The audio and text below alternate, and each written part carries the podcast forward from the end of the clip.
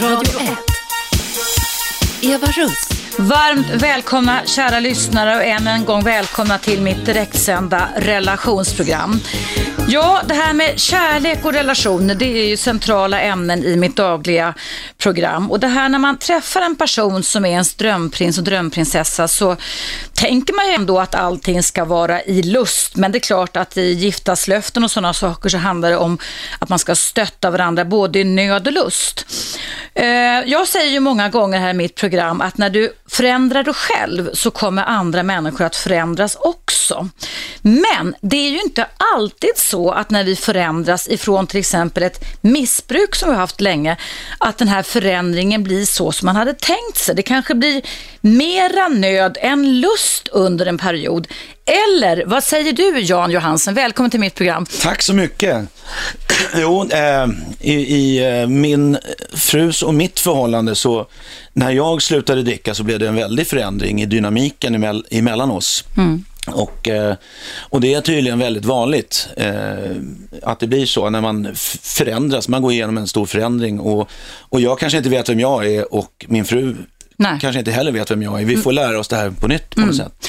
Och det ska du och jag prata om idag, för du är nämligen då bokaktuell. För någon vecka sedan så kom du ut med en bok som heter Med nya ögon, skriven tillsammans med Colette van Luc mm. på Norstedts förlag. Och i den boken så är du väldigt, väldigt öppenhjärtlig och ärlig och insiktsfull tycker jag, där du beskriver hela din, inte bara musikaliska resa, utan även, kan man säga, vägen ut ur missbruket som du hade. Du kan väl berätta om det? Jag tror inte det är många lyssnare som vet vad du har varit med om egentligen.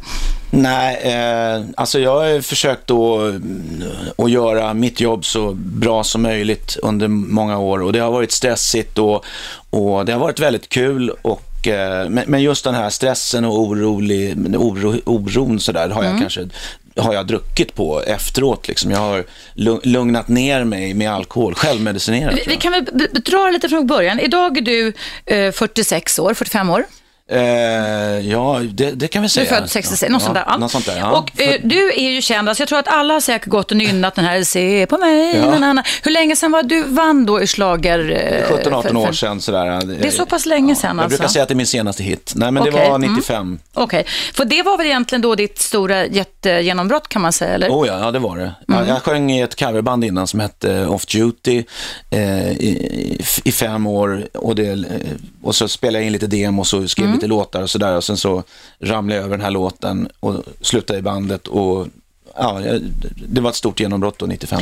Vad kom du för placering i den stora Eurovision? Eurovision i mm. Dublin, jag kom trea. Det var inte illa. Det var ju jättebra. Det har jag faktiskt glömt bort. Men musiken, låten kommer jag ihåg. Den var ju fantastisk. Och då vid den tidpunkten, hade du träffat din eh, fru Pia då? Eller? Eh, jag, träffade, jag och Pia träffades 2001. Okej, okay, så det var några år efter kan man säga, nästan ja. 8-9 år efter. Okej, okay, och vad som du har beskrivit i den här boken då, det är då det att du, liksom man också hör många andra artister för sig, att man använder sig av alkohol för att varva ner. Hur mm. gjorde du på den tiden och när blev det liksom för mycket för dig? Eh, det blev för mycket för mig i perioder, även innan eh, genombrottet med Off Duty. Jag, jag tyckte om att och partaja, jag ville eh, efter spelningarna och, och det var in i kaklet. Det var liksom full rulle. Jag hade jätteroligt och inga, eh, tänkte inte på morgondagen och, och eh, inga tankar på att jag skulle ha något problem eller något sånt där. Utan jag hade bara väldigt mm. kul tyckte jag. Och är det här så... en lite kultur, ursäkta, är det här en kultur ja. lite inom artistbranschen också, att man varvar ner efter spelningar med alkohol och jag droger tror kanske? Att, eh, alla branscher och, och, och kanske artistbranschen, eh, även, även där. Eh, i, I många branscher, så, så, alltså när det är mycket stress och, mm. och man eh, jobbar väldigt hårt och sådär, så kan det bli så att man eh, varvar ner eh, på kvällen med eh, några glas vin som kanske blir några, några fler glas och, och det var inte så mycket att man var full på scen och innan och så, utan det var mm. mer, mer efteråt på kvällen att man man, man eh, varvade ner och, och, rundade, ner, rundade av stressen och, och, och sådär och, och mådde lite fint där ett tag innan man gick och la Så man kan säga att alkoholen blev din snuttefilt, den som kunde göra dig lugn i alla fall? Ja, det var min snuttefilt. Mm. Och hur länge höll det på så här då, innan du började inse att det här är ett problem faktiskt för din del? Eh, jag vet inte om jag insåg att jag var beroende eller att jag hade alkoholproblem. Eller, eh, jag tänkte väl tanken ibland sådär, men eh, gick man på krogen och tog ett glas vin så glömde man det. Va? Och mm. Jag har sagt jättemånga gånger att jag ska aldrig mer dricka när man mår dåligt och sådär. Och det har blivit problem vid några tillfällen och sådär, men, men jag, jag, har aldrig kommit på det själv. Mm. Utan det var 28 eh, september efter en, eh, en eh, blöt turné när jag kom hem som Pia hade bestämt sig för att lämna mig. Mm. Hur länge hade ni varit ett par då? Eh, vi träffades 2001. Mm. Så det var ganska många år då kan man säga. Mm. Ja. Och hade hon sett då i egenskap av hustru till dig, hade hon då sett dig eh, väldigt ofta eller alltså hade hon försökt påverka dig, förändra dig som man gör när man lever i en tvåsamhet? Ja, många gånger. Hon hade sagt att, eh, att jag skulle köra för att hon skulle ta ett glas vin. Inte för att hon ville ta ett glas vin, utan mm. för att hon inte ville att jag skulle dricka någonting. Och täckt upp och, och, och, och varit medberoende och, och försökt eh, på alla sätt och vis. och, och vädjat att jag kanske mm. inte ska dricka någonting. Och hur, hur svarade hur bemötte du henne då? När din fru liksom var på dig om detta, att det här måste, förstår du inte? Hon försökte liksom skapa insikter i det kan man säga, Jan Johansen. Ja, ja, eh, jag tog, tog det väl inte så djupt på allvar, utan mm. jag kanske eh, skötte mig för stunden mm. och sen så föll jag tillbaks eh, mm. igen mm. hela tiden. Vad, vad var den eh, droppen som fick bägaren rinna över för din frus del? Så att säga? Vad, vad hade föregått det? Vad, vad, var det någon utlösande situation? Eh, det var en, eh, jag hade lovat liksom att nu, nu, nu ska jag mm. inte dricka någonting på den här, på den här turnén mm. och eh, efter den så kom eh, Pia och hämtade mig på, på Bromma och vi åkte hem och jag somnade på soffan och när jag vaknade på, på kvällen, det var mörkt ute, så var hon inte där och jag förstod att nu är, är det problem. Mm. Och eh, hon kom hem eh, senare och var inte glad, väldigt sammanbiten och, och beslutsam att nu, nu eh, hade hon fått nog. Mm. Och eh, nu skulle hon lämna mig. Hon struntade i vad jag, vad jag gjorde, om jag, om jag lovade någonting eller det spelar ingen roll vad jag sa. Det, det, det var liksom punkt mm. där. Men då gjorde jag någonting som eh, fick både henne och, och, mig att bli väldigt förvånade. Eh, jag bestämde mig att, eller jag bestämde mig, Pia hade pratat med min bästa kompis. Eh, de hade hittat eh, en behandling vid Mariatorget som hette Checkpoint. Och dagen efter eh, gick jag och Pia dit och eh, så bestämde jag mig att att jag skulle gå där. Mm. Eh, så att jag skrev in mig på, på terapi eller sån behandling dagen efter. Är Checkpoint, är det landstingets regi det eller? Nej, det var, eh, det var i egen regi men nu eh, är de uppköpta av Nämndemansgården. Så okay. det är Nämndemansgården okay. som eh, äger det nu. Så Nämndemansgården kan man, mm. kan man ringa till om man om man vill ha kontakt med, dem, kontakt alltså. med dem. Ja. Och du, eh, bara innan pausen här tänkte jag, eh, när man pratar om alkoholmissbruk och drogproblem, alltså vad jag tror att vi pratade lite om det innan, innan du och jag här, att var och en lite när man blir uppåt åren kan utveckla, tycka, äh, lite glas vin. Förr drack man kaffe liksom på 60-70-talet, nu mm. dricker man vin när man ses, det ska alltid hivas fram vin och så. Mm. Hur var liksom mängden? Jag kan tänka mig att många lyssnar och även jag undrar, hur mycket dricker man för att det ska kunna bli beroende? Alltså det, det är väl olika hur man är funtad också, eller hur? Men, men ja. hur var det för dig? Drack du en, liksom en bag in box varje dag eller var det liksom två i veckan? Eller vad, vad kunde, kunde kvantiteterna vara? Eh, det, det som du säger olika för olika mm. människor, hur eh, stor man är eller, eller hur, hur man, hur man eh, fungerar när man dricker eller om man är man eller kvinna och sådär. Men eh, bag in the box eh, var det jag drack eh, nästan uteslutande. Jag hade slutat dricka öl för det blev jag så tjock av och jag hade mm. slutat dricka sprit för det blev jag knäpp i huvudet av. Och jag hade slutat snusa och det var egentligen det mest fysiskt jobbiga att, att sluta med. Jag blev svettig och stingslig under, under flera mm. veckors tid, men det gick det också. Mm. Så att eh, nu drack jag, då drack jag vin och eh, det skulle jag aldrig sluta med. Pia sa det att jag skulle, om jag skulle liksom sluta med det. Va? Nej, mm. absolut inte. Det, det, det, kunde jag inte tänka mig. Mm. Och det var ju inte så farligt att dricka vin tyckte jag, men jag drack ju ganska mycket. Så att, mm. Var det varje dag typ? Liksom? Ja, mer eller mindre mm. till slut. Liksom, eh, först jobbar man kanske två, tre dagar i, i veckan, vissa perioder. Mm. Och eh, sen, sen när jag kom hem och om det var sommar så vill man ju eh, grilla eller käka middag eller något sånt där och då drack man igen. Och, så att i, i, i, mitt yrke blir det ju så många anledningar och man går på lite premiärer och man går på lite fester och här grejer. Och eh, man går inte dit. Om man om man inte är nykterist så går man inte dit och, och helt plötsligt börjar dricka Loka, liksom, utan man serveras det vin så, så drack jag det. Liksom. Och eh, vi ska fortsätta prata med dig. Du är ju min gäst Jan Johansen med anledning av din nya bok skriven med Colette van Luc med nya ögon som kom ut för en vecka sedan ända fram till klockan 12. Nu däremot är det dags för en liten paus här på Radio 1. Jag ska säga till ni som lyssnar här att ni kommer alldeles snart att få ringa in och prata med Jan Johansen. Jag kan tänka mig att han är en idol för många av er här och för han är min gäst ända fram till klockan 12. Men vi ska fortsätta han och jag prata lite till och jag tänkte att efter pausen Jan så tänker jag att vi ska prata lite om det här, alltså hur man blir en personlighet. För det beskrivs ju också i din bok att när du drack så var du även i din frus ögon en rolig kille, va? eller hur? En, en skämtsam kille och att den personligheten förändrades när du slutade, stämmer det? Ja, exakt. Eh, nej, men jag var väl en, en clown och jag tyckte om att, att få folk att skratta och, och det, det var min grej. Så, att, så att jag var lite så här eh, socialt beroende utav eh, alkohol. Eh, och jag trodde att, att jag var eller jag kände mig med, mitt, med min självkänsla och så, jag var tvungen att, att dricka för, att, med för att hamna Ja. där. Ja. Liksom. Men, medans eh, idag så är det liksom ingen skillnad. Jag är lika galen idag. Liksom. Men det var en övergångsperiod. Ja. Och vi ska fortsätta prata om det efter pausen tänkte jag. Men för nu är det nämligen dags för en kort paus. Du lyssnar på Eva Rust på Radio 1 och min gäst idag är alltså Jan Johansen ända fram till klockan 12. Och vi pratar om hur ett missbruk, ett alkoholmissbruk också kan utmana men också förändra både till det bättre och det sämre under en period i alla fall en relationsbalans. Så stanna kvar och fortsätt att lyssna på oss efter pausen som kommer här.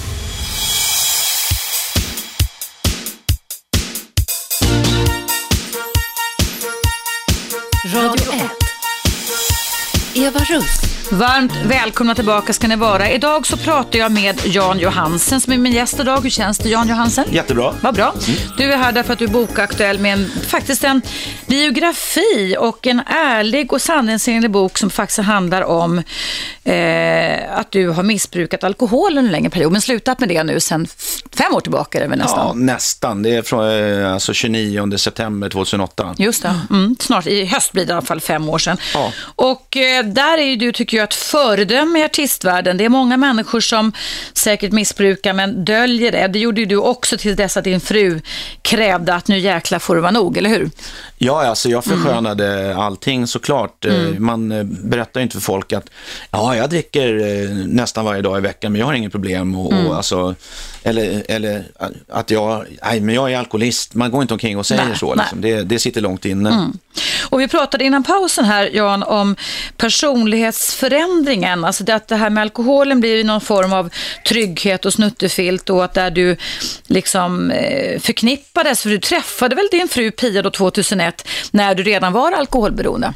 Ja, alltså, ja det, det, det var jag ju. Så du hade liksom din personlighet redan klar som Ja, du var den då? hade jag haft, eh, haft länge. Eh, och, och när vi träffades så då var hon eh, ensam och, och barnfri så att eh, hon var ute och eh, Alltså hon och jag var ute och partajade kanske i 17 dagar i sträck och hon förstod att oj, oj, oj, vad den här killen festar mycket och dricker mycket. Det här kommer bli problem längre fram, Hon tänkte så, ja. kände hon Mm. då. Men jag, jag tyckte bara att det här var fantastiskt kul och Det var en st- stor kärlek, så att Stor kärlek, ja. Men eh, vi, vi, jag tänkte inte så, men hon kände nog att det här måste vi nog göra någonting åt längre fram. Mm. Men ni gifte er ganska snabbt, eller? Ja, väldigt snabbt. Mm. Eh, bara efter några månader. För jag har för mig att jag följde er i veckopressen även det här er strävan efter att få ett gemensamt barn, eller hur? För hon hade två barn tidigare, eller? Ja. Ja, du ser jag kan det här nästan Ja. utan till Ja. Och jag blev så oändligt glad när ni fick er lille son. Hur gammal är han idag, Tim? Han är sju. Han är sju år Ja. Mm. redan. Jösses vad tiden går. Men i alla fall så att hon såg något, och det här kanske är ganska vanligt tänker relationer, men sköt undan det och not- noterade i huvudet att oj, det kanske är värst för den här mannen tål mycket. Men under många, många år så drack ni, kan man säga, tillsammans. Inte att hon var, var missbrukare, men blev lite medberoende kan man nästan säga. Hon blev medberoende Mm. eh, och eh, om någon, eh, om den ena dricker mycket så eh, blir det svårt i en relation om, om den andra är nykter. Så att hon behövde, kände väl i början att, att hon behövde ta ett par glas vin också för att komma, ner, komma på min nivå. Liksom. Men eh, efter ett tag så eh, ville hon inte det längre och, eh, och och började försöka påverka mig. Men det tog ju, tog ju en tid, jag vet inte exakt hur lång tid, men liksom att eh, drick inte så mycket nu eller drick inte sprit eller drick inte öl. Eh, och sådär, ta några glas vin och, och tänk på imorgon och, och sådär. Så att hon börjar liksom försöka hjälpa mig och, och, och det är ju en form av medberoende och sådär. Men innan det här magiska datumet när du liksom fick hjälp av henne, hon satte ultimatum kan man säga 28 september var det 2008. Ja. Då hade hon gjort sina försök, men hur hade du tänkt och reagerat då när din fru var på dig om att du drack för mycket? Eh, ja, att, att hon hade höga krav på mig och, och att hon skulle ändra mig och Ta ifrån dig din personlighet kan man säga lite? Ja, eller? precis. Jag, det kände jag, jag kände mig lite hotad att jag, ska jag inte få dricka mer och, och sådär. Men, så att jag, jag kanske eh, hade strategier, försökte liksom för stunden och, och släcka branden och, och, och vara lite snäll och, och inte dricka så mycket och sådär. Och sen så vart det någon turné och då stack jag iväg och, och, och så hamnar man i baren i alla fall. Liksom, sådär. Du, eh, eh, jag tänker det här med personlighetsförändringen och var också relationsbalansen. För att du beskriver ju i din bok med nya ögon att det, det blev inte den här lustfyllda relationen direkt när du väl slutade dricka som ni, ni hade trott. Och det var ju nästan så att du tänkte att fasiken var det värt det här att sluta dricka när relationen inte blev så här lycklig igen. Kan du inte berätta om vad som hände? I början så, så handlade det ju mycket om, om mig som beroende och, eh, och jag kände mig lite nyfrälst sådär att jag hade gjort någonting jättebra och, och, och det handlade fortfarande om mig och mig och mig liksom. Eh, men vi är två stycken och eh, efter ett tag så började liksom hjärnan återhämta sig. Det tar liksom två och ett halvt år för, för hjärnan. Även om man bara dricker på helgerna eller man kanske dricker några gånger i veckan så tar det liksom en Två och ett halvt år tar det alltså för Ja. hjärnan när man väl slutar med alkohol att Ja. bli normal igen eller återhämta sig. Ja, eller, att hjärnan ska återhämta sig och den kanske aldrig har varit fullt återhämtad någonsin, liksom, sedan tonåren. Så att eh, det börjar hända grejer, jag börjar ta ansvar, jag börjar se saker hemma och runt omkring och jag ser saker hos mig själv och jag börjar ställa lite krav, jag ser saker på, hos Pia och jag förändras och, och tar mer plats och, och börjar eh, påpeka att disktrasan ligger i diskhon och att att teskedarna ska ligga i ett speciellt fack i, i diskmaskinen. Och liksom. Men varför ställer du de låga grejerna på de höga hyllorna i kylskåpet? Bara alla sådana här små saker liksom, som blir små vardagskonflikter och, ett- tag så börjar hon liksom känna fan är det här för jobbig snubbe? Liksom. Ja, det var en, en, en, ny- nya beteenden, utmanande beteenden. Ja. Och, och eh, Och My, My säger det i boken att, att eh, jag vet inte om det är 80 eller 70 eller 90 procent utav förhållanden där en slutar dricka brukar gå åt skogen liksom för att det blir som förändring i dynamiken. För att Pia har eh, behövt någon att ta hand om medvetet eller omedvetet liksom så behöver hon kanske känna sig behövd av någon. Och helt plötsligt så kanske jag blir lite mer självständig och börjar klara mig själv och ta egna ansvar och så här. Och då, det blir en förskjutning, det blir en förändring. hur fick ni hjälp med det? Alltså, det här är ju då många år sedan, men tampas ni med det fortfarande? Eller har det planat ut och ni har hittat, liksom justerat relationsbalansen igen efter att du slutade dricka, Jan? Eh, ja, vi har ju liksom, jag har fått lära känna mig själv på nytt och Pia på nytt och, och, och Pia har fått lära känna sig själv och mig på nytt. Och vi har tagit oss igenom det och det är tydligen väldigt ovanligt men eh, det, det, funkar, eh, det, det, funkar bra idag. Vad roligt. Men det var så att det var lite överhängande skilsmässovarning för din del alltså? Ja, hon flyttade hemifrån eh, vid något tillfälle och, och, och det, var, det var nära några gånger. Men eh, det, det gick på något sätt liksom. Skulle du kunna säga att det liksom, om du jämför lyckan när du träffade henne då 2001 och ni blev sådär blixtförälskade i varandra och nu är det klart det är romantisk passionerad kärlek de första åren men, men är, det, är det skillnad på den kärleken ni känner idag efter allt som ni har gått igenom? Jan? Mm. Eh, det är skillnad, den är djupare och den är mer och det, den, eh, det blev en, eh, ett, ett nytt möte nu liksom Mm. efter, efter att nä, nästan, nästan skilsmässa och det var ingenting någon av oss ville kanske egentligen, men det var kanske någonting vi, äh, får vi inte det här att gå ihop då får vi gå skilda vägar. Men Mm. vi, fick, vi, vi fick ihop det liksom på något sätt och, och, och, och då blev det, det blev som att man träffas en gång till. Vad härligt, vad roligt. Det är väldigt roligt att höra. Vi kanske ska Men- gifta oss igen. Ja, den kanske ska gifta dig. Det är ju väldigt inne just nu, Jan, Ja. att man förnyar sina äktenskap. Jag tror att det är viktigt med en sån ritual ibland, då, att, att man gör det faktiskt. Har, Ja. ni, har ni tänkt den tanken? Eller?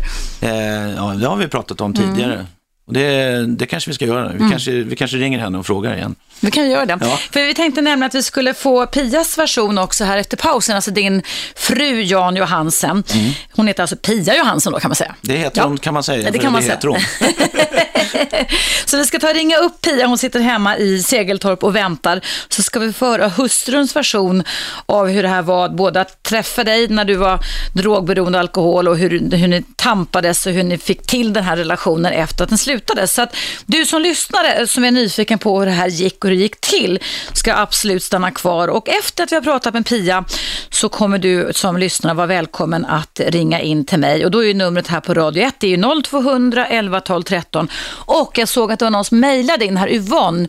Jag ska säga att mejladressen rakt in i studion till mig och Jan Johansen är evaradio1 gmail.com. Alltså evaradio1 snabelagmail.com Och ni kan vara anonyma vare sig ni mejlar eller ringer, det spelar ingen roll. Men ibland är det bra att ha ett namn sådär så att man får en bild kring vem jag pratar med. Nu som sagt var är det dags för en nyhetsuppdatering och efter pausen så ska vi även dra in Jan Johansens fru Pia i samtalet en liten stund här på radion.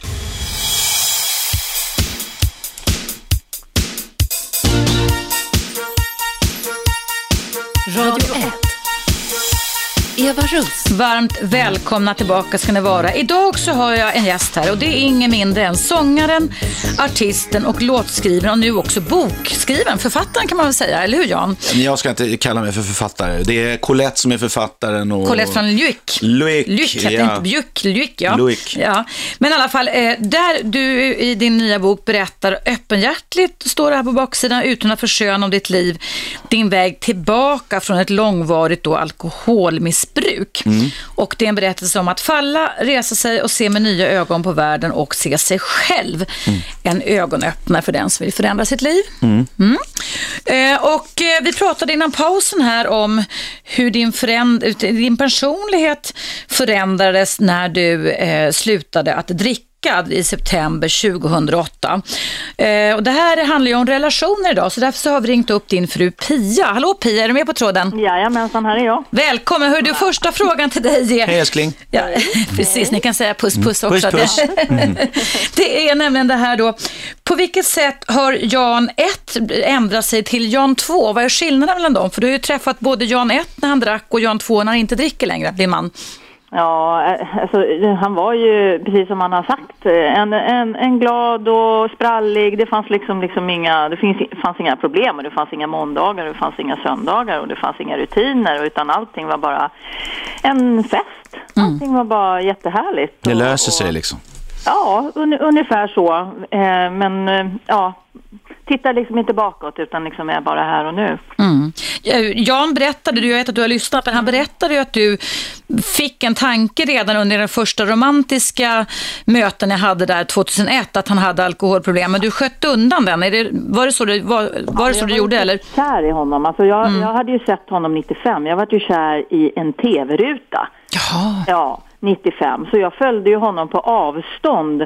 Eh, jag väntade ju bara på ett tillfälle att få träffa honom. För jag var helt övertygad om att om, om han bara fick träffa mig så, så skulle det bli vi två. Vad var det du blev kär i då? Vad, gjorde Jan 90, 95 alltså? Nej, alltså det var, det var när han sjöng Se på mig. Det var utseendet, det var ögonen. Jag såg att det här var, att det, det fanns någonting väldigt speciellt hos den här människan och jag kan inte säga vad det är. Utan det var bara en känsla som var Alltså det gick rakt in i hjärtat, vilket jag vet att det gjorde på, på, på de flesta eh, kvinnor. Jag var nog också lite kär i Jan då tror jag faktiskt. Ja. det kan man ju lite, lite. Men jag, inte längre, jag lovar, inte längre. Nej. Vadå, vadå? Ja. Nej, så att... Eh, Så jag kände ju liksom bara att det fanns någonting äkta hos honom. Mm. Och, vilket det faktiskt finns. Och, och det finns ju fortfarande kvar där med tanke på, om vi nu ska prata om att han har förändrats. Mm. För det har han ju gjort. För den här förändringen som han har, har gått igenom och fortfarande befinner sig i, Mm. den är så, alltså det går inte att föreställa sig hur stor den är egentligen. Om man inte sitter där själv. Men, men det, det var ju egentligen då genom din försorg kan man säga när du satte ner foten och sa nu får det banne mig vara nog, eller hur, som den här förändringen skedde. Ja. Men, men det blev också så att som han beskriver i boken, och du är ju då fru eller hustru till Jan Johansen Pia, att du känner inte igen honom riktigt när han väl började förändras och slutade dricka. Nej, herregud. Alltså, jag kan väl säga så här, om jag hade haft facit i hand så vet jag inte ens liksom om jag hade hoppat på tåget. För att, eh, alltså, det är inte bara att ställa undan flaskan så, så är, är allting frid och fröjd. Nej, det är då det jobbiga börjar. Precis som han pratar om. Det att,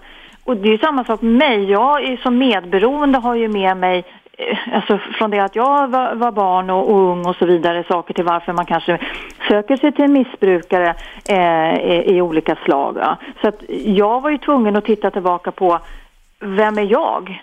Eh, eh, och att vi två måste få utvecklas på varsitt håll men ändå eh, tillsammans. Just det här med förståelse, ta hjälp av andra, att gå i parterapi, att våga se varandra med nya ögon och våga låta varann utvecklas. Eh, och, och jag tror att det är väldigt, väldigt svårt för man har så mycket med sig i sitt bagage. Jag har ju så mycket med mig som jag fortfarande drar upp i tid och otid som jag försöker att inte göra. Men det är svårt. Eh, eh, men att, att liksom våga lyssna och, och, och framförallt våga ta hjälp för det här är ingenting man klarar själv. Mm. Du, du, eh, vad var dina första, man pratar om negativa automatiska tankar när din man, alltså Jan Johansson nummer två, när han slutade dricka då, blev förändrad. Alltså, vad, vad, kan du berätta lite vad som skedde inom ditt huvud, Pia? Nej men det var ju att jag, eh, jag, jag kände ju inte igen honom till någonting egentligen. Det här, det här liksom skedde ju successivt. Eh, med, han kunde vara eh, väldigt grinig, eh, uppkäftig tyckte jag. Eh, han såg inte mig utan det var ju bara han som var i fokus och här återigen då så hamnar man liksom i kölvattnet. Va? Vem skulle jag prata med? Alltså jag kunde inte prata med honom heller för han var ju så uppe i sitt. Och han tyckte ju liksom att allting handlade ju om honom. Det var han som var i fokus, det var han som inte mådde bra, det var han som skulle behöva ta eh, en massa olika beslut när det kom till vad han skulle göra och inte göra. Så att det tog ju tid innan han själv fick upp ögonen till det här med ansvar och så vidare. Och, och då kommer ju såna här små saker just i vardagen som jag alltid har tagit hand om tidigare. Jag hade en man som låg på soffan och helt plötsligt så skulle han liksom bry sig om hur saker och ting stod i diskmaskinen eh, eller hur jag gjorde vissa saker och så. Det höll på att göra mig galen. Ah. Och det var ju inte av kärlek som jag kände men fan är du rent ut sagt va? Som ska komma här och tycka och tänka en massa. Det, det beskrivs väl i boken också, Pia, att du, du eh, kände nästan att känslorna hade dött. Stämmer det för honom under en period? Ja, det gjorde det. Jag visste faktiskt inte var jag stod. Mm. Eh, Hur länge eh, tycker du att det höll i sig, Pia? Nej, men alltså det på, pågick ju under ett år. Mm. Det, det var ju fram och tillbaka. När det var bra så var det bra, men så fort vi liksom hamnade i någon form av konflikt eller att han kritiserade mig, då, då, då alltså det klarade inte jag av. Mm. För jag har ju alltid liksom blivit bekräftad på det sättet att jag har gjort allting Mm. Och känt mig behövd och så vidare. Och sen, eh, och jag jobbade ändå tillsammans med honom i tio års tid. Eh, och sen när han började liksom att klarna ur den här dimman så Ja, då ansåg jag att nej, men han får ju ta hand om sitt och det kände han ju själv att han vill ju ta ansvar. Och, Mm. Men, men alltså det var, alltså det, och jag kan ju säga det är ju en process hela tiden. Vi befinner oss fortfarande i den här processen och håller på att lära känna varandra på nytt. Och, Mm. och, och, vilket också är en väldigt fantastisk resa. För att, jag menar, jag har inte gift mig med Janne för att jag skulle lämna honom mitt uppe i allt det här. För att jag kände att nej, nu pallar jag inte längre. Utan jag vill och vi vill tillsammans försöka göra det bästa utav det här. Alltså oddsen har ju inte varit liksom för, till våran fördel så. Mm.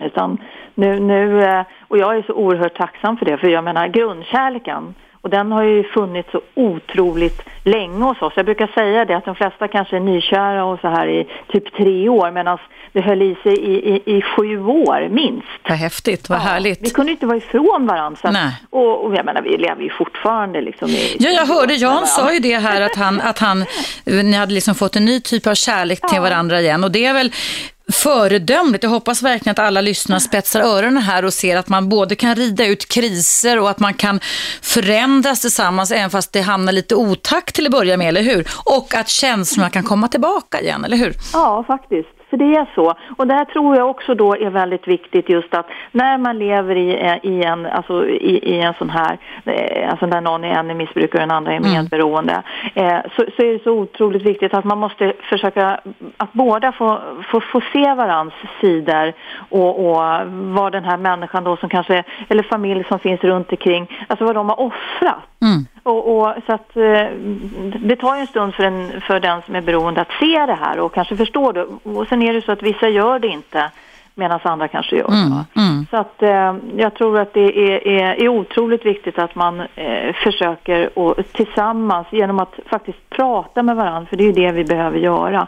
Eh, och, och försöka förstå. För att jag, när jag började lära mig mer om hur, hur sjukdomen fungerar, då kunde jag också... Alkoholism alltså, som vi pratar om idag. Ja. Ja, och då kunde jag också ha mer förståelse för vissa saker. Mm. Och, och samma sak för Janne, eh, just då med mig som, som medberoende, eh, hur, hur, hur jag har känt och hur jag fortfarande mår. För att ofta så är det så att den som är medberoende har, behöver ju nästan kanske mera vård än den som är missbrukaren. Mm. Eh, för att det har pågått i så otroligt många, många, många år och man är så slut. Mm. Eh, och man har ingenstans att vända sig. Och det är därför jag nu vill skriva den här boken just som anhörig. Ah, du tänker skriva en bok, Jag Pia Johansen. det. Jag Jaha, vad roligt. Som alltså en, ja. en anhörig bok i och med att du har levt med detta Ja. i så pass många år tillsammans med din man Jan Ja. Johansen. Vad spännande, vad roligt. Ja, det tror jag många, alltså jag tror ju också i takt, Pia, med, takt, jag vet inte vad du säger Jan, i takt med allt detta bagen i box-klunkande så tror jag tyvärr att vi, vi pallar inte riktigt med att dricka alkohol så mycket som vi tror här i Sverige. Eller? Nej, nej, jag tror inte det. Och som Pia berättar så, eh, jag var ju väldigt självcentrerad och det är liksom en, eh, alkoholen är liksom självcentreringens drog. Man tycker att hela jorden ska snurra efter mig och om det är någonting som går åt skogen så är det alla andras fel. Liksom. Man får börja ta sitt eget ansvar. Och sen försöker jag eh, försöka gottgöra, det är en del av tolvstegsprogrammet också, gottgörelse liksom och, och faktiskt eh, tänka tillbaks på det som Pia offrade. Det är inte bara att jag är så himla duktig, jag ska slå mig för bröstet. Ja, självklart är jag duktig som har, som har tagit mig ur det här, visst, men eh, jag är också eh, står i tacksamhetsskuld till Pia liksom, för att hon har eh, hjälpt mig att göra det här liksom, och att hon finns kvar fortfarande. Liksom. Men det är ju, alltså den, den kärleksförklaringen, det, det är ju, den är ju fantastisk. Det, det, det handlar liksom inte om blommor och presenter och allt det här. Nej. Utan liksom att, att bara liksom Jag är vara lite dålig på det. närvarande. Ja. det är det ju förvisso, men det gör ingenting. Jag är Ja. van vid det. jag behöver inte säga det i radio. Det kommer att bli bättre nu. Han Ja, kommer jag bättre lovar, jag lovar, jag lovar. Ja. Nej, så att jag tycker att det är, är ja, när man väl förstår liksom hur det fungerar och när man lyckas ta sig ur det här Mm. på andra sidan som vi nu har gjort. Och det är ju därför vi också skriver den här boken tillsammans.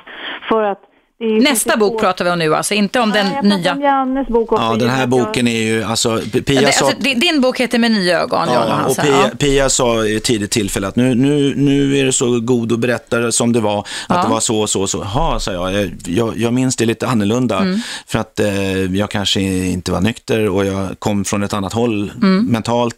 Så att jag skrev det på mitt sätt och sen så fick hon skriva det i kursiv text. Vad- Ja, för Pia är ju med i boken Ja. emellanåt, eller hur? Ja, och det är ju får- ganska häftigt att sin, läsa. Ja, Hon får. Mm. berätta sin eh, version av olika händelser. Liksom. Och det är det som är så viktigt, det är just att de anhöriga, alltså det är många som ska kunna läsa den här boken och man ska kunna känna hopp. Mm. Liksom att det går, allting går faktiskt, även om man inte tror det och det är mörkast och det är, man är så långt ner i skiten och allt det här. Men det går faktiskt att förändra. Mm. Men förändringen måste ligga i, i, i, alltså i oss. Vill jag det här? Precis, precis. Ja, det måste ja. komma inifrån. Toppen, toppen. Du, tack så jättemycket Pia för att du vill vara med oss på telefonen. Jag tänker behålla din man här minst en timme till, om det är Ja, okej. Ja. Ha Ska vi se. Ja, ta- tack snälla. Ses sen. Tack. Hej, hej. Hej. Hej.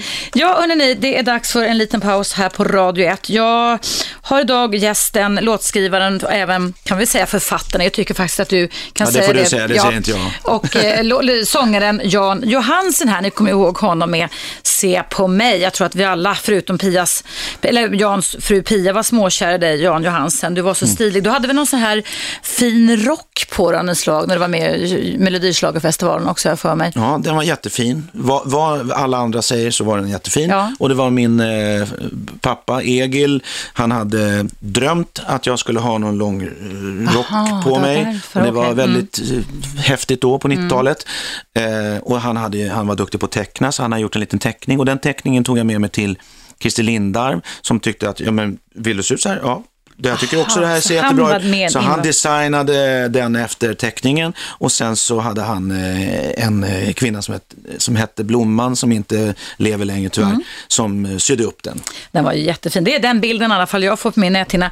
Nu däremot är det dags för en liten paus här på Radio 1. Och nu kan vi väl säga Jan att nu kan folk börja ringa in här och prata med dig framför allt här. Ja, jag är ingen expert. Men Nej, jag, men du har ja. varit med om mycket. Och det, Numret är 0200 11 12 13 och vi hörs efter pausen som kommer här.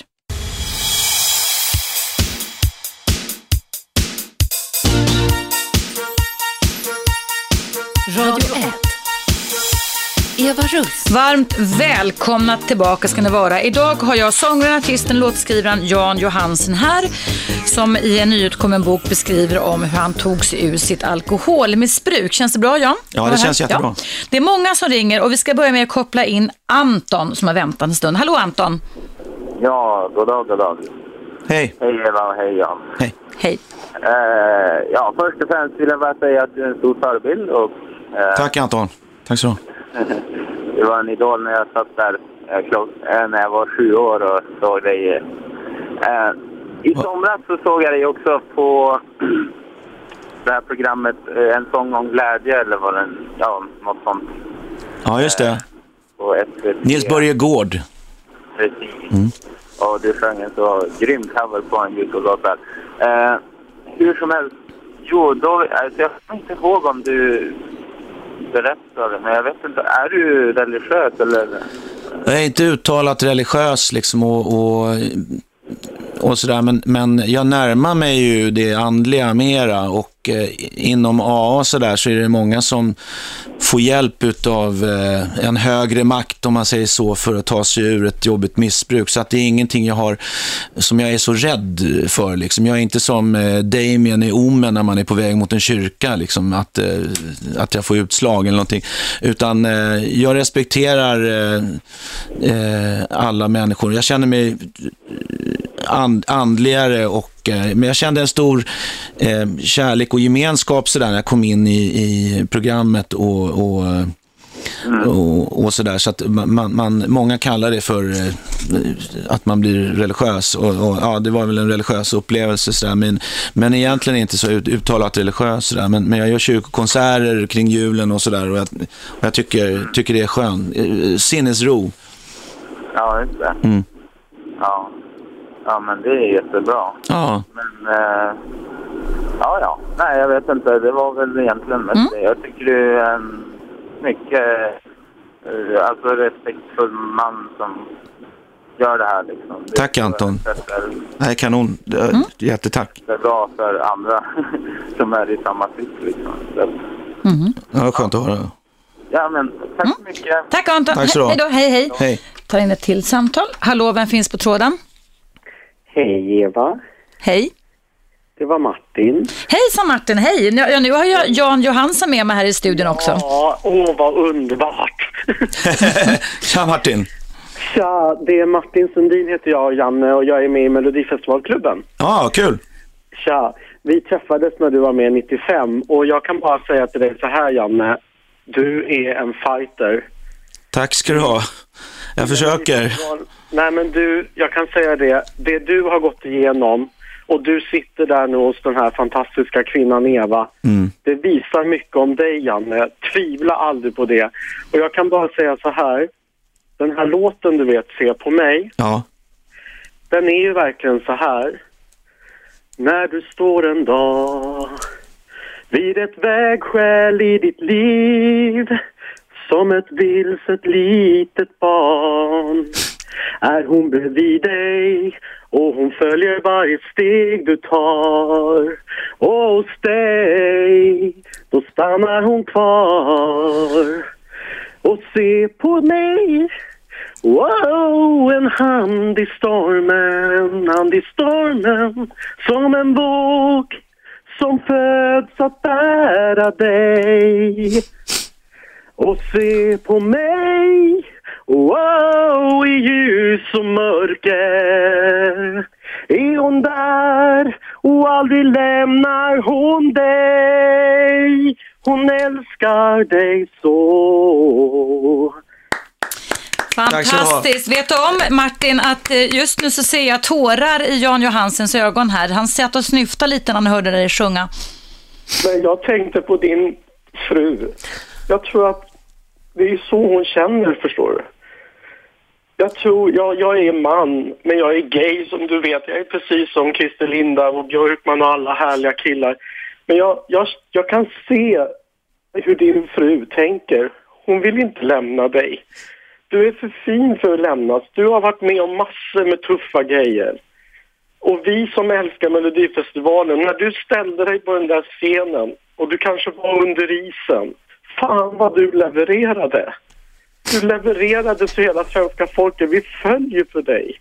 Du får aldrig lämna oss. Du får aldrig tvivla på dig själv. Vi behöver en som dig, Janne.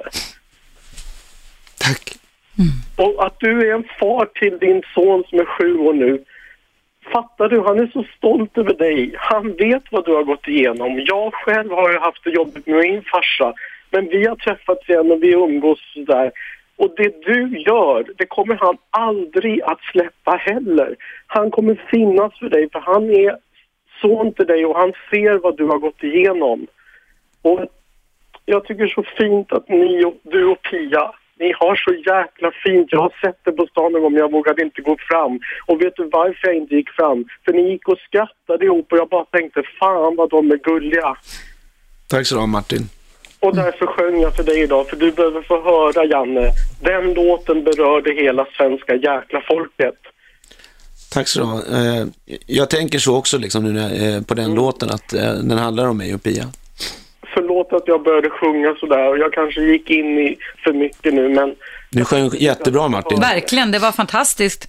Mm. Och Eva, du vet ju vad jag tycker om dig så tack för att du bjöd in Ja. Janne idag. Vad roligt. Nej, det är ett ett spännande man att lära känna faktiskt. Jag har bara sett honom på avstånd också, så det är jättekul att få ha honom här i alla fall en timme till här på Radio 1.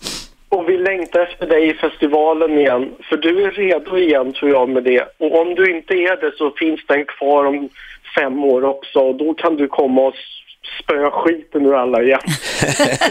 Tack så du ha Martin. Du, du satte huvudet på spiken. Tack snälla Janne för att du finns. Tack. Kram på er båda. Kram. Kram, tack. Hej då Martin, hej. Ja, ehm, vad väckte det för tankar? Det väckte mycket känslor hos dig Jan Johansson, ser jag. Tårarna rinner ner för kinderna. jag fick tårar i ögonen också faktiskt, det måste jag nej, säga. Men, Mm. eh, det där var, det där var eh, skönt att Martin ringde in och Vet du vem han är? Har du, Skönt. har du någon bild av honom? Eller? Inte just nu, men vi, vi har säkert träffat, alltså vi har ju som man sa träffats så att jag kommer säkert känna igen honom när jag, när jag träffar honom. Mm. Och, eh, eh, nej, men det är många som säger det nu, till exempel när, när vi pratar om boken och pratar om de här sakerna och Pia är med och sjunger den här låten Mm. att eh, Ja, men har, har inte tröttnat på den här låten. Liksom. Nu måste jag ha sjungit den tusentals gånger, men, det, men eh, den, den har förändrats för mig istället. När, när min pappa gick bort så kunde jag knappt sjunga den för att eh, då handlar den lite grann om, eh, om vår relation och nu, nu handlar den verkligen om, om, eh, om mig och Pia. Och, eh, och Pling har skrivit en sån text som det kan handla om väldigt många olika saker för olika människor. Det är häftigt det här och det är mycket tankar och känslor som växer upp, inte bara här i studion utan säkerligen också hos väldigt många som lyssnar. Och då ska jag säga till er som lyssnar att det är dags nu för en nyhetsuppdatering på Radio 1 och du lyssnar på mig, Eva Russ, i mitt direktsända dagliga relationsprogram. Och gäst idag är alltså låtskrivaren, sångaren och även då medförfattaren i alla fall till boken med nya ögon, Jan Johansen.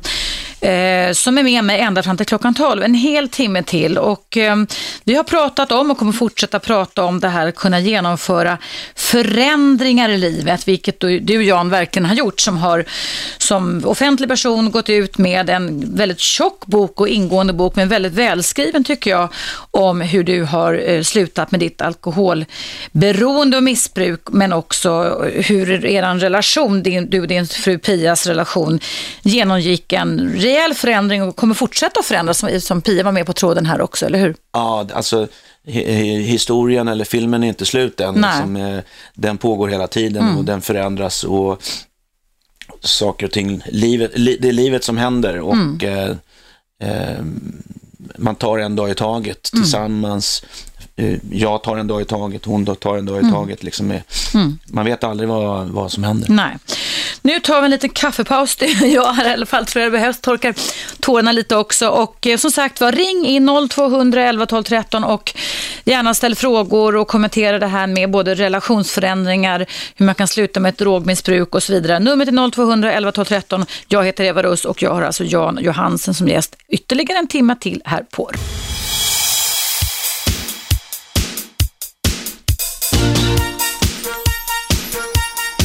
Radio 1. Eva Russ. Välkomna tillbaka. Ja, eh, min gäst här heter Jan Johansen heter jag. Jan Johansen, precis. Mm. Känd för eh, svenska folket när du tog hem en storskräll var eller Melodislagfestivalen 95, var det så? Eh, 95, ja det kan man nog eh, säga. Jag hade aldrig varit med i Melodifestivalen tidigare. Det var första gången för dig? Ja, alltså. jag, hade fått, eh, jag hade sjungit en låt tidigare, mm. men eh, den, det året så vill jag göra annat eller, eh, eller jag vågade inte eller, mm. eller, eller något sånt där. Så den låten sjöng Nick Borgen. I året innan, 94. We are all the winners? Nej, det var det inte. Det var Små minnen av dig, Jaha, heter den. Den kommer jag inte ens ihåg. Men din kommer jag ihåg, för den hette ju Se, Se på, på mig. mig. Som eh, Martin Sundin sjöng så vackert här Ja, innan nyss. pausen, så att vi grät båda två. Du ja, grät lite mer än vad jag lek. gjorde, men det var, mm. det var så fantastiskt. Eh, du är här idag eftersom du är aktuell eh, och har skrivit en bok tillsammans med en journalist, Colette van Lyck, mm. som handlar om hur du har tagit dig ur ditt alkoholmissbruk. Och det tycker jag också, mm. jag håller med Anton som ringde in här, en förebild. Så vi uppmanar er som lyssnar här nu, nu kan ni passa på här och ringa in till Jan Johansen och ställa frågor eller ge någon beröm också för den delen, precis som Anton gjorde. Numret rakt in till mig och Jan Johansen här på Radio 1 är 0200 11 12 13. 0200 11 12 13 och eh, ni kan också göra som Anette har gjort här, som jag ska strax läsa upp mejl här. Mejla och mejladressen är då evaradio1 snabel gmail.com. Nu ska vi ha någon anonym kvinna här tror jag Jan som ringde in. Hallå, mm. finns du kvar? Ja, jag är kvar. Hej, du ville vara anonym. Vad ville du ja, säga eller göra? Jag heter Anette också. Du heter Anette också? Det är inte okay. jag som har mejlat, men... Nej, okay. Nej, det var så här att 95 så skrev jag några rader på en eh, låt som jag sjunger själv och sådär hemma med min man och sådär. Mm -hmm. Spratt ut några gånger. Och det här är texter som bara, direkt när jag hörde Martin sjunga så tänkte jag så här, då tänkte jag på Jan Johansson. Jan Johansson är också en idol för mig. så att... Eh, Tack. Får jag sjunga några rader för dig? Det här låter inte klokt, alltså jag tänkte inte ringa, men jag tänkte nej, jag gör det. Ja. Är det okej? Okay? Ja, kommer jag börja grina eller? Eh, det vet inte jag, nej. men eh, så här är det. Ja. Så när de sista dropparna vin lämnat flaskan för din skull blir det så svårt att ta sig in blir det så svårt att se blir det så svårt att nå in i dina mörka blå. Jag ville säga dig någonting men du vänder dig och går med höga murar runt omkring. Blir det så svårt att se, blir det så svårt att nå in i dina mörka blå. Jag låter ljuset vara tänt ifall du skulle gå förbi. Jag lämnar dörren min på glänt För ännu hoppas jag att jag ska kunna få se in i dina mörka blå. Mm. Så. Ja, nu börjar jag nästan grina igen. Alltså. Nej. Nu måste jag hämta papper. Det var, jä- det var jättefint. Och det, det är ju sådär, man bygger murar och, och Ja, runt omkring sig själv och, och ja. alltså jag skrev det för att det var, det, var en, det var en kille som jag kände som jag var väldigt förtjust i och han hade alkoholproblem, Mm. grova sådana. Och det var väl då i det sammanhanget som de här raderna kom till. ja. Det, var, det var bra rader. Eh, och det är också huvud på spiken. Det är lite som det är. Ja. Tack snälla Anette för Ja. denna sångstund. Ha det bra, fortsätt att Tack. lyssna på oss. Ja, jag Ja, absolut. tack. Hej. Hej då, hej. hej. Du, ska vi ta in ett samtal till, eh, Jan? Ja, visst. Hallå, vem finns på tråden? Ja, hej. Har jag kommit till eh, Radio 1? Jajamensan, till Eva Russ och Jan Johansen som är min gäst idag. Ja, vad trevligt. Mm. Eh, är det prat i radion? Du hörs ut just nu. Du hörs. Ja, Hej, det är Janne. hej. Hej, tjena, tjena. Eh, jo, jag vill bara säga att det är intressant det ni snackar om. Tack. Och, och sen, eh, sen är det var en fin sång var det också. Ja, tack så mycket. Ja, och, Ja, eh, av Anette alltså. Mm. ja precis. Mm. Eh, och, och sen vill jag fråga er vad... vad e- jag vill fråga Eva några saker också. Mhm. Eh, vad har du gjort för att komma dit där idag? Det, alltså, jag har utbildning på akademisk nivå, om det är det du undrar över. Men jag är inte alkohol eller drogterapeut. Det behövs en specifik utbildning för det. Så att där får Jan Johansen vara mitt eh, föredöme idag istället. Ja. Mm. ja. Vad, vad tänkte du mer fråga? Nej, jag tänkte, först vill jag bara bli lite remindad här. Vad är det ni... Vad är samtalsämnet idag? Samtalsämnet handlar om hur man kan bryta sig loss ur ett alkoholmissbruk. För Jan Johansen är aktuell med en bok där han beskriver om hur han slutade dricka för snart fem år sedan. Ja, och det, det är jag otroligt imponerad över. För jag ju själv, eh, jag har själv varit drogmissbrukare. Mhm. Eh, och, och ja, du säger inte så till mig. Och jag var med i en, eh, i en händelse då det var mycket droger. Mm. Eh, och jag tog lite droger. Mm. Och jag, jag sköt i halsen. Eh, och det, Sköts det i var ju- halsen. Ja. Eh, sen, sen fick jag väldigt ont i nacken efter ett tag. Mm. Eh, Vet du vad, eh, jag tror att vi har avrundat lite här faktiskt. Det är väldigt många som ringer. Tack ska du ha för att du ringde in. Du, jag ska läsa upp ett mejl här Jan som har kommit in ifrån en annan Anette. Det står så här. Tack Jan, tack Eva och tack Pia Johansen. Sitter och lyssnar, gråter och känner med. Har liknande erfarenheter av att leva i relation med man med alkoholmissbruk. Samt en far som hade samma missbruk. Ni lyfter detta med relationer, att stå kvar och tro, stötta och hitta nya vägar i livet tillsammans. Ni har gett mig styrka, tack. Kram Jan och Pia. Ni är förebilder. Tack. Nu börjar jag nästan gråta Mm, tack igen. Ja, det, det har kommit in jättemycket mejl här också. Mm. Um, ska se om jag kan ta ett mejl till här, Jan. Ska vi se vad långa mejl här. Um, här är ett från Camilla. Det står så här. Eh, Hej, min far var alkoholist. Han dog i levercancer 2008. Det jag kan sakna än idag är att mina barn aldrig fick lära känna sin morfar. Han valde ett annat liv. Han fick aldrig tillfälle att visa dem vem han egentligen var. Och då kan vi ju ställa den frågan till dig då.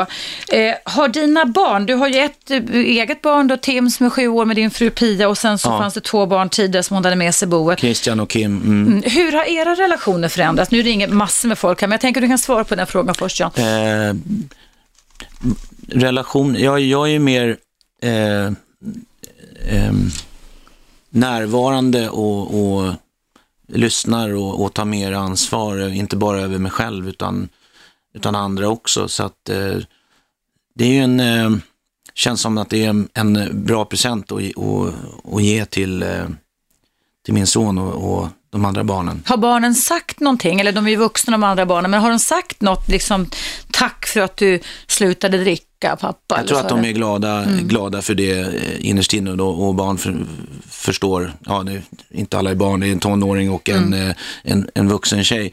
Men eh, jag vet att det, livet är inte alltid enkelt, all, alla problem försvinner inte, men, eh, men de, de är tacksamma, det vet jag, men, men sen så att eh, säga det. Jag tror att de förstår mer när de blir äldre kanske.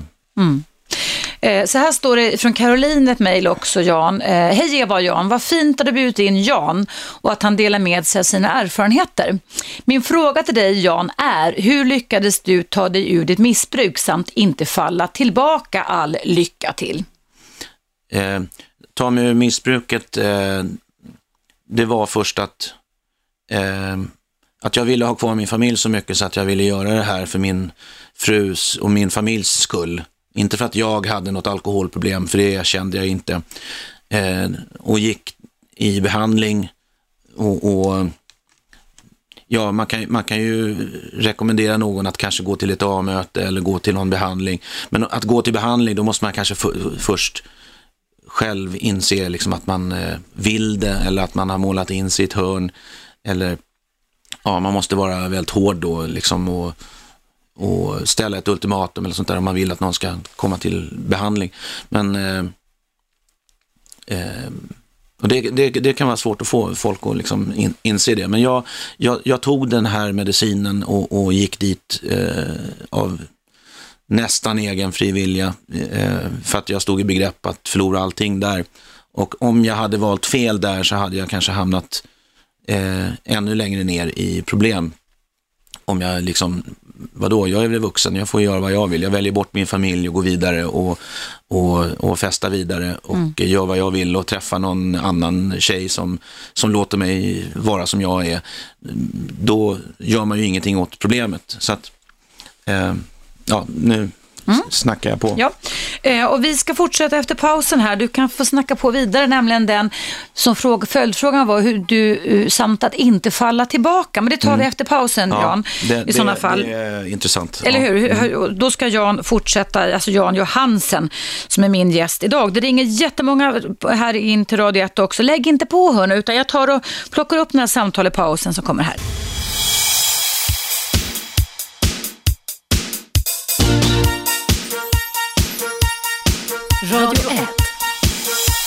Eva Russ. Varmt välkomna tillbaka hörni. Idag har jag artisten, låtskrivaren och medförfattaren till boken med nya ögon, Jan Johansen här.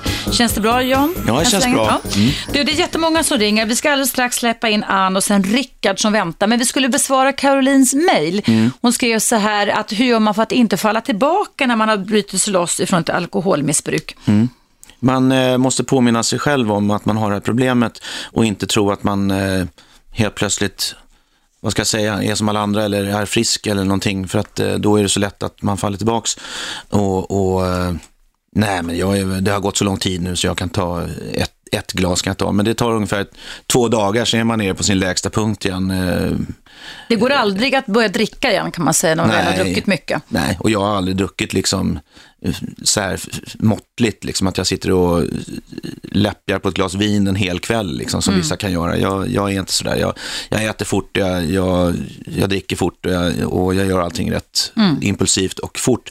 Så att, eh, Hur kan en påminnelse se ut när du slår upp dina ögon på morgonen då? Om att du har, alltid måste, du måste vara lite på vakt mot alkoholfaran kan man säga då, eller? ja, nej men eh, det är bara att titta på min familj så, så får jag en, en typ av påminnelse. Men, men eh, ehm, jag, blev uppringd igår eh, spontant av Jan-Olof Bengtsson eh, på ja, en kompis. Och han, eh, han och jag ska göra en grej på Nämndegans, Nämndemansgården längre fram eh, och prata lite grann. I Stockholm eller i Skåne? I Eller Skåne. I Skåne. Mm. eh, Bläntarp.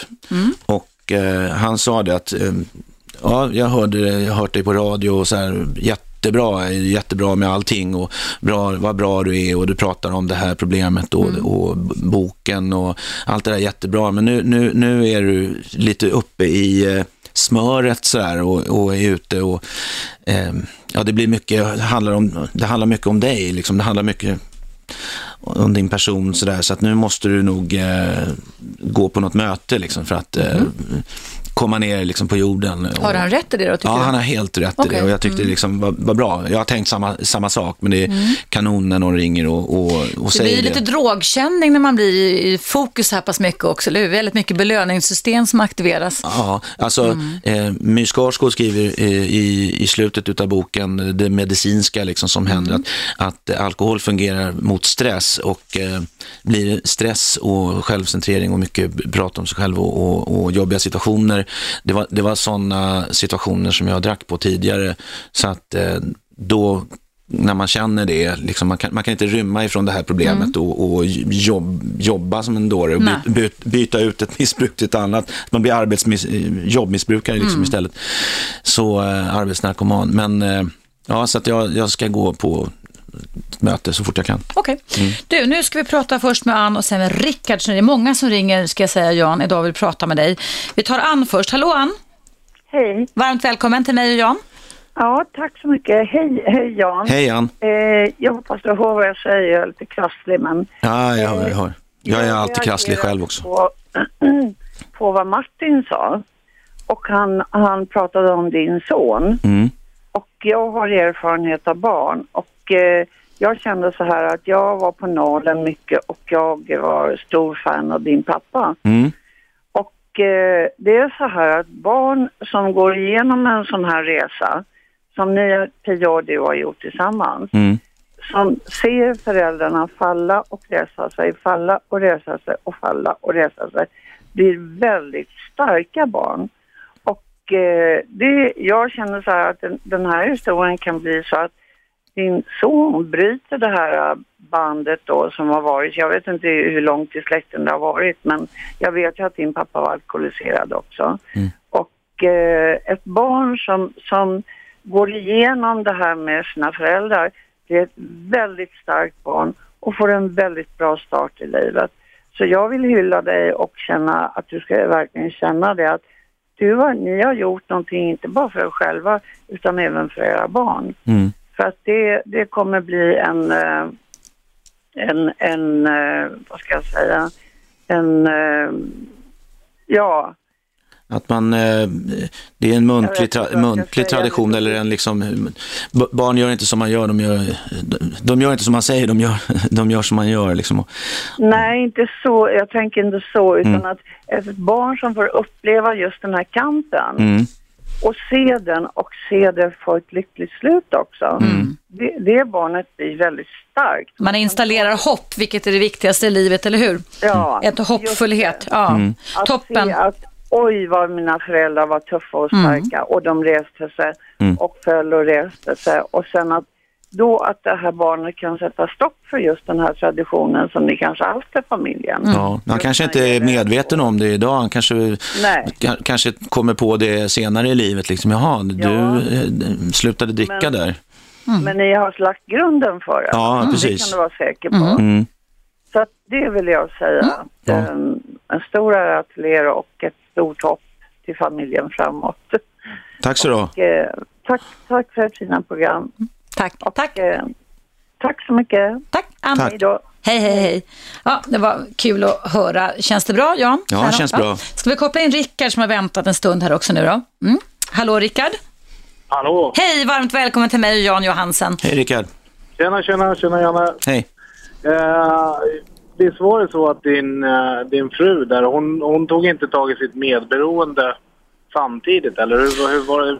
När jag började på behandling så gick hon i medberoendegruppen. Eh, hon kände, kände sig inte riktigt hemma där, så det, det var någonting, det var så väldigt negativt allting på, på något sätt. Hon får svara på det själv, men, eh, nej, hon, eh, hon var där i alla fall, hon gick där. Och, men men eh, hon söker efter lite andra vägar och, och vill utbilda sig till eh, eh, anhörig, medberoende terapeut och liksom stöd för, för, de, för de som är anhöriga och medberoende. Ja, eh, men hur, hur tog hon det då när du började, alltså när du började på behandling och var du borta hela tiden eller var det öppenvård eller hur? Ja, öppen vård. Jag var inte Ja, du var instängd någonstans ute på landet utan jag var, jag var inne i Stockholms stad eh, vid Söder. Så att jag kom hem på kvällarna och vi kunde käka lunch tillsammans och, och sådär. Ja, jag gjorde en likvärdig faktiskt för, för några år sedan. Ja, bra. Grattis. Eh, ja, detsamma. Ja, detsamma. bra. Eh, Grymt. och det, för, för, för mig var det, för mig vart det, det var, var ganska, ganska lustigt. Alltså jag, jag började ju, eh, jag började på min behandling och, och det var väldigt, vä- väldigt bra för mig på en gång. Alltså det, det kändes det sådär. Och jag kom hem, hem och var glad och mådde bra och du vet, rosa moln. Ja, det var rosa moln i början.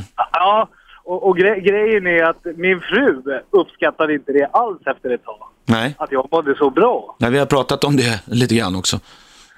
G- ja, hon, hon, eh, hon sprang upp till min... eh, min eh, hon gick, började på samma behandling och körde någon kvinnogrupp och lite sådär. Och hon Mm. sprang, sprang upp efter, efter ett tag eh, och skällde ut min alkoholterapeut och undrade vad fan håller ni på? Vad gör ni med han? Liksom. Mm. Så, så, så, är, så vart hon eh, Ja. efter ett tag. Liksom. Så att de behöver ju stöd också och kunskap och, och, och, och lära sig vad det, vad det är som händer. För att eh, du, kommer hem, du kommer hem som en ny person och hon undrar, vem är det här? Liksom? Du ska ringa en exorcist nu eller? Ja. Ringer Max von Sydow bara. vi, vi, Nu, nu hörs det lite dåligt, Rickard. Åkte du in i tunneln nu? Ja, Ja, nu hörs det bättre.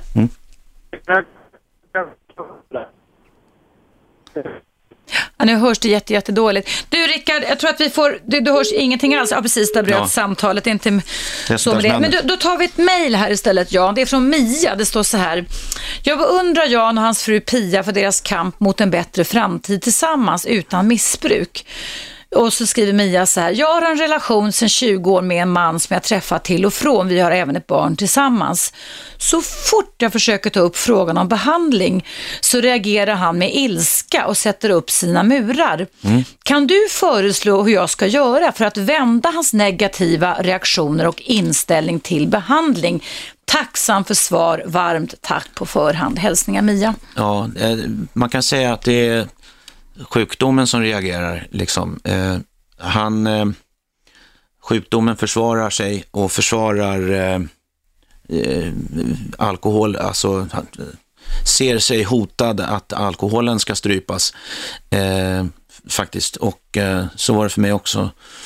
Eh, man måste vara hård och, och stå fast och, och vara jävligt bestämd och, och sätta allting på sätta allting på, på spel. Eh, Alltså, vill, säger att om du inte gör det här så lämnar jag dig, typ. Eller? ja, det var väl eller- så din eller- fru gjorde mot dig? Jan, Nej, eller? hon sa att hon skulle lämna mig bara. Ja, hon skulle lämna dig annars. Ja, det var inte Mm. liksom, det var inte om eller mm, kanske, utan det var, hon skulle lämna mig och jag tittar liksom, när jag säger det så ser jag min fru Mm. och, och lilla Tim som var tre år gammal liksom framför mig och, och, och, och ska bli av med, med det. Hus och bil och sånt skit jag i, men, eh, men liksom, och, och liksom eh, att jag ska få den här, ja nu ska det här bli min exfru och så ska vi, ska vi ha barn eh, varannan vecka eller någonting och allt det där. Mm. Liksom, jag orkar inte liksom så att, det vill jag inte ha så att eh, det, det, alltså, man måste ställa något ultimatum eller så finns det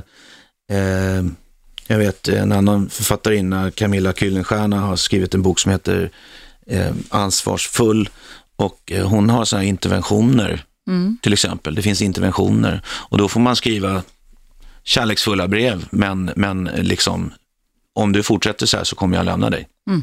Eh, nu har jag fått nog, liksom. Mm. Att alltså försöka med kärlekens röst på ett sätt och vis få en person att vakna till ändå, Jag visar personen Mm. att jag gör inte det här för att jag tycker du inte älskar dig. Ja, då Mm. måste man ju fråga sig om man, om man älskar varandra fortfarande. Men, Men- ibland kan man ju, era känslor, för, Pias känslor försvann ju för dig när hon var som mest besviken, eller hur? Mm. Men sen kom ju känslorna tillbaka och det är ju tilltalande tycker jag, Mm. eftersom jag själv också vet att känslor kommer och känslor går. Ja. Och de nästan kan upplevas att de dör när man tycker att man inte får det man vill ha ut av en relation, eller hur? Ja, alltså jag kunde inte liksom bara köra på som jag ville, utan jag var ju tvungen att, att förändras. Inte bara genom att, ja men nu har jag slutat dricka, nu kan du inte vara glad nu då, liksom. Mm. Det, så funkar det inte, liksom. Utan, utan då eh, har, man, har man dragit huvudet i sanden bara och, då- och då kan man börja se problemen. Mm. Eh, och då kan man göra, inte först då kan man göra någonting åt dem. Liksom. Mm. Men eh, nej, han eh, kommer inte antagligen lyssna så länge du inte liksom ställer ett ultimatum. Till Camilla då, som Camilla. Mm. ja.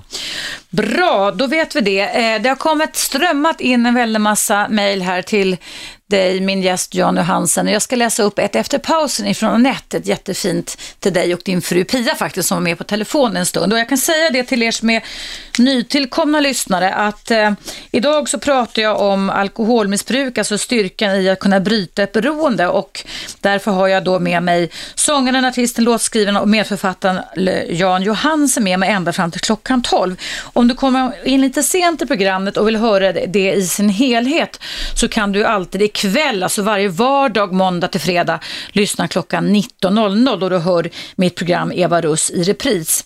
Eh, ni är varmt välkomna att ringa in i pausen som kommer nu, för nu är det nämligen dags för en nyhetsuppdatering på Radio 1. Numret in till mig och Jan Johansen i studion på Radio 1 är 0200 11 12 13 och jag hoppas att ni stannar kvar efter pausen som kommer här.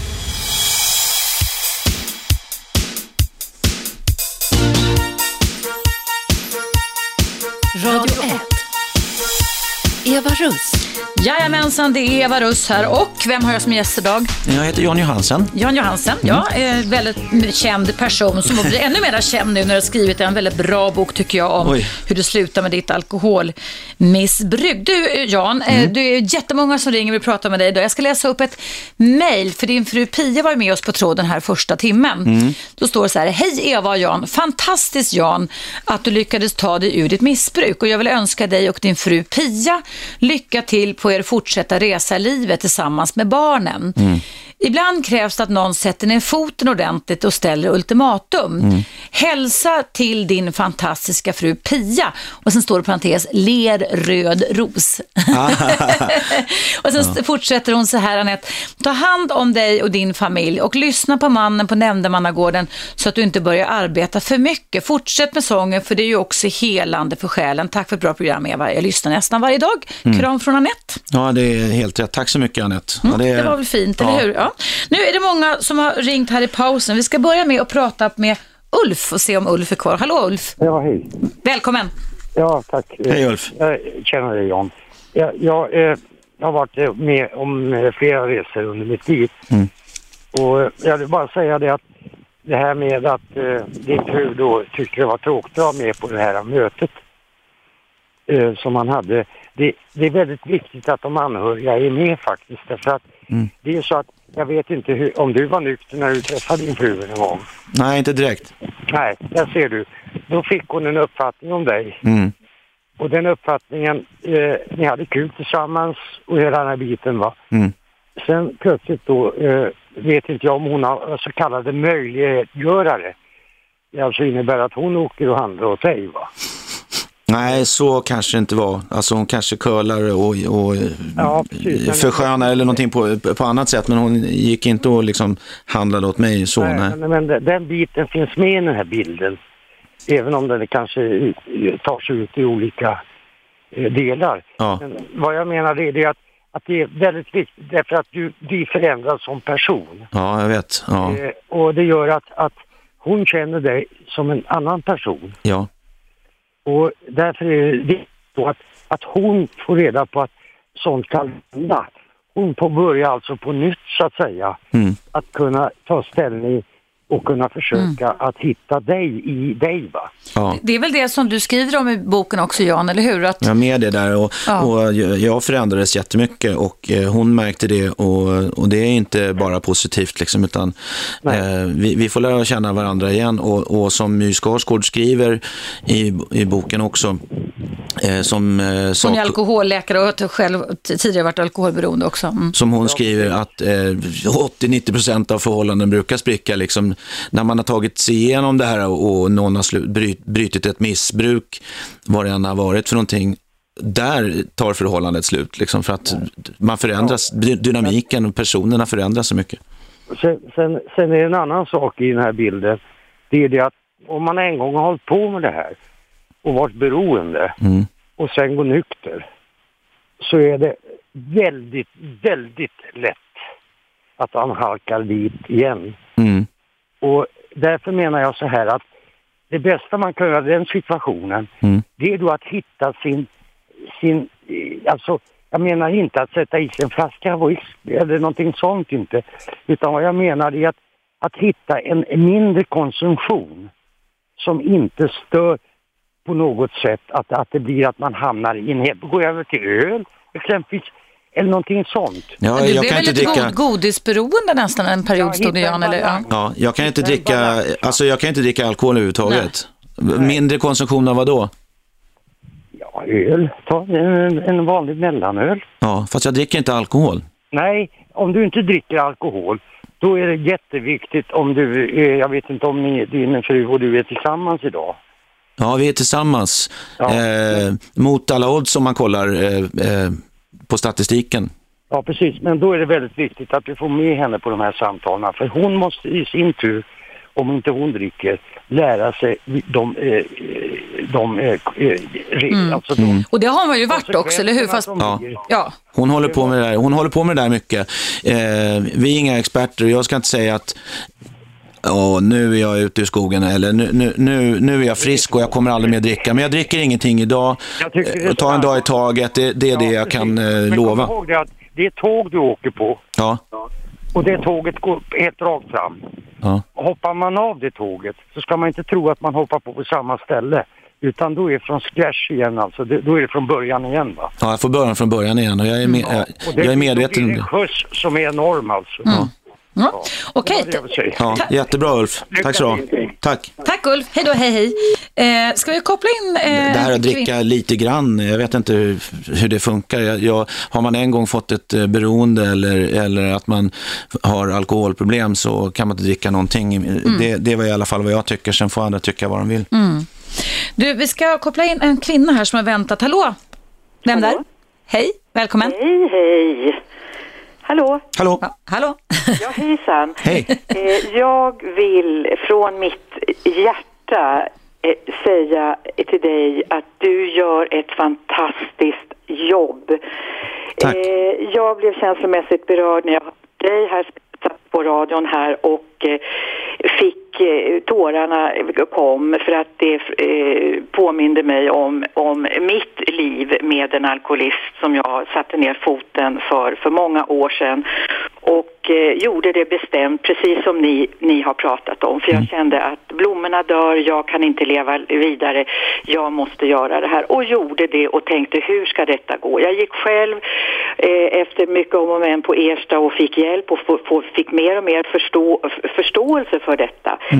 Eh, det har inneburit en väldigt, väldigt sorg under många år tack vare att sonen som nu är vuxen har aldrig fått kontakt med sin pappa mer än löften om stora vackra lägenheter och, och bilar och allting och detta har aldrig infriats. Så jag har försökt stötta honom och allt detta som det innebär. Men jag vill säga fortfarande, den här, den här mannen arbetar på en, en, ett stort företag och eh, anser sig vara en normal eh, drinker, men det är han inte. Han har alltså aldrig slutat dricka, det gick inte alltså, det är det du säger? Han, Ja. han vill inte. Han, Han vill inte, nej. Han säger att han är inte. Han skyller ifrån sig. Mm. Och i- det tog lång tid för mig att förstå att eller, jag funderade på, som är naturligt kanske också, att man tänker att jag kan ha fel. Det kan vara jag som har fel. Men jag vet idag att det är inte så. Nej. Men att få leva med den här sorgen som finns både inom mig och inom, inom eh, min underbara son som lyckades klara sig eh, ganska bra under tonårstiden med bara mig fast det var tufft och, och han försökte göra saker som inte var bra. Men jag stöttade och jag köpte, sökte hjälp på olika sätt och idag är han, är sonen alltså eh, välbevarad men saknar naturligtvis sin pappa och tycker att det är jobbigt detta. Så därför så säger jag till dig, jag blir så lycklig när jag hör att du kunde ta tag i det här. Och Ja, vi, jag och Pia gjorde det. är så här, Mm. vad är det som gör att man vill mista sin familj mot denna flaska? Ja. Alltså jag, jag, jag, jag förstår inte detta. Och det är många med mig som inte gör det naturligtvis. Men Ja. det är, måste vara ett, ett otroligt starkt beroende. Ja, det är ett starkt beroende, men att den ska vara så jävla viktig liksom. Ja. Eh, Jag, jag tänkte så här, ska, det, ska den där grejen vara viktigare än min familj? Liksom? Det, jag fattade inte heller det. Eller jag, jag vet inte hur jag tänkte exakt då, men, men jag har tänkt så i alla fall nu.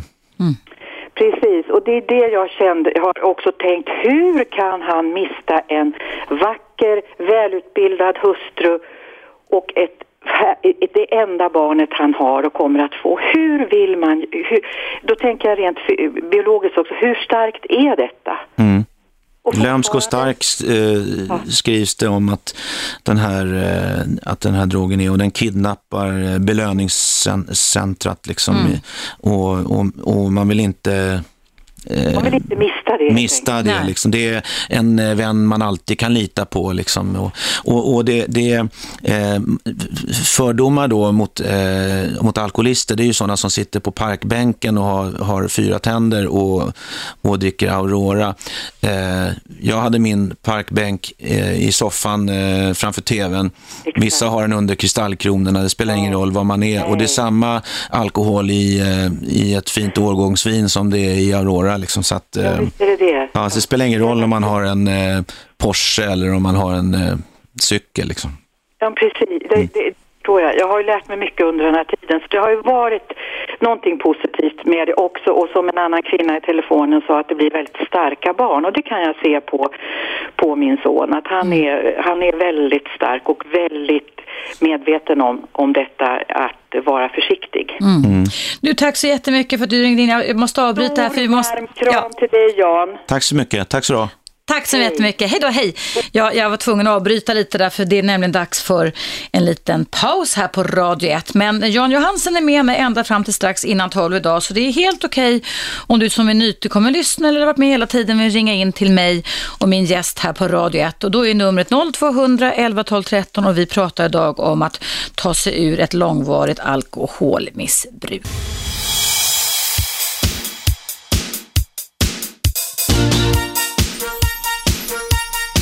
Radio 1.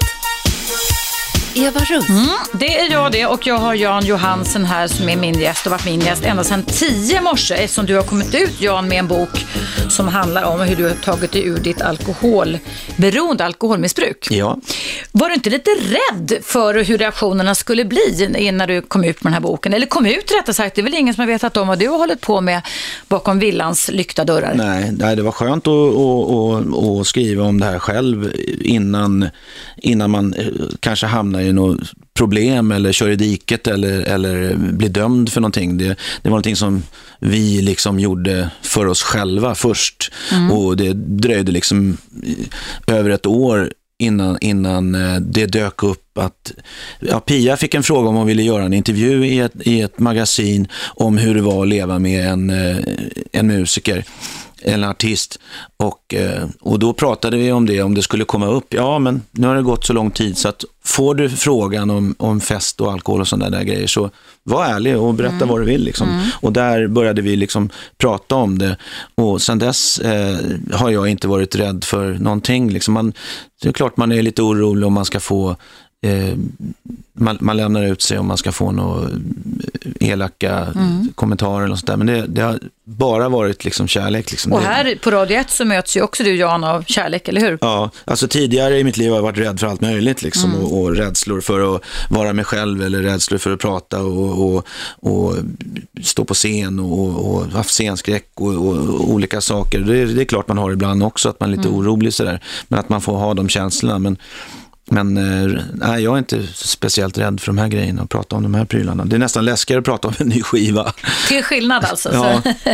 Du, det är jättemånga som ringer Jan idag. Mm. Vi ska kloppa in, det är Rickard och Margit, men vi tar Margit först. Hallå Margit, välkommen till oss. Ja, tack så mycket. Hej.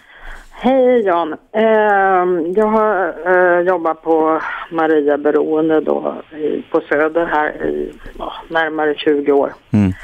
Och sen så eh, fick man ju inte sådär gräsligt betalt även om man jobbade heltid så jag har jobbat extra då på liknande ställen runt hela stan. Ja. Det är konstigt eh, att, att eh, ni som gör ett sånt bra jobb har dåligt betalt, tycker jag.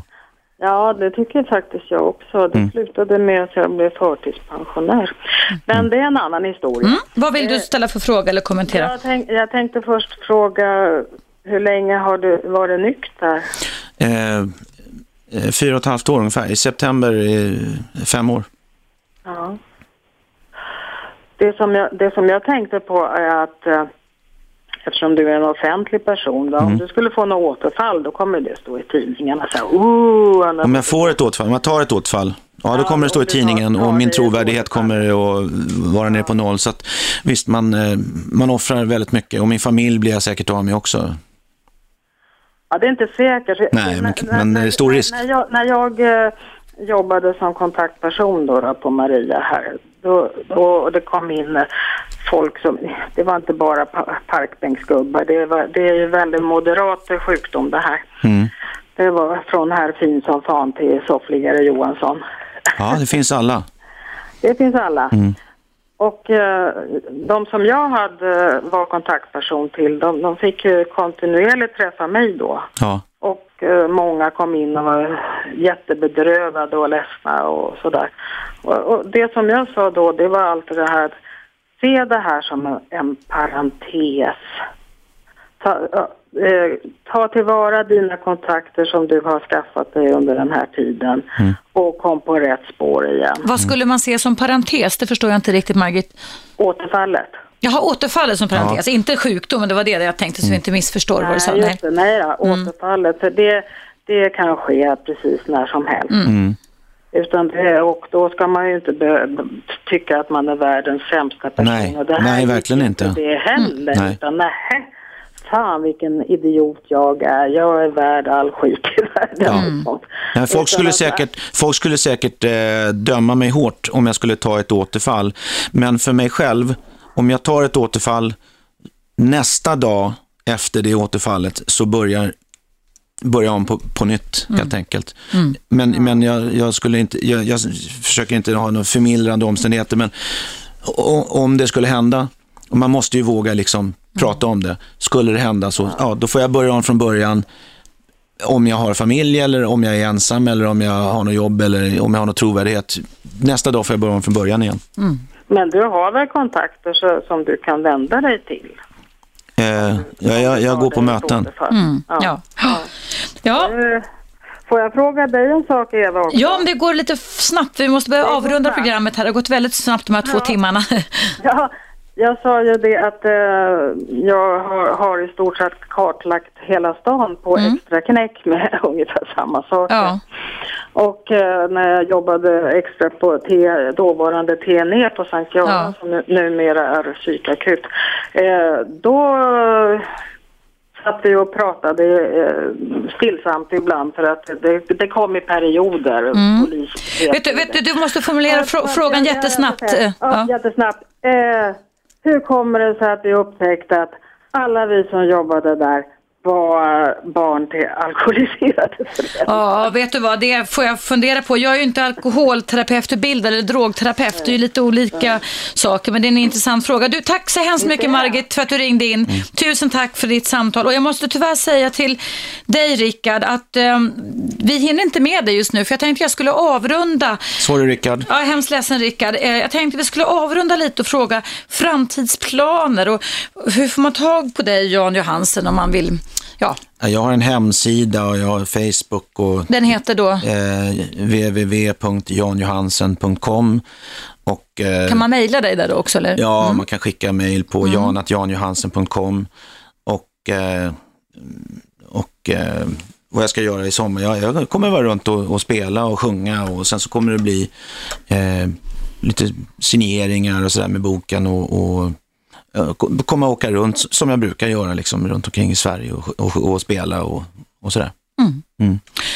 Och eh, du kommer säkert att få väldigt mycket flera lovord och uppmuntrande ord. Du har ju fått väldigt mycket sånt här idag. Och jag måste också personligen säga det då att jag kan ju inte så mycket om drogbekämpning så att säga, eller som jag inte är utbildad på det. Men jag har lärt mig väldigt mycket genom att både snabbläsa din bok inför vårt möte här idag, men också att lyssna på dig idag. Jag tror Mm. att du skulle kunna bli en bra coach. Har du funderat på det?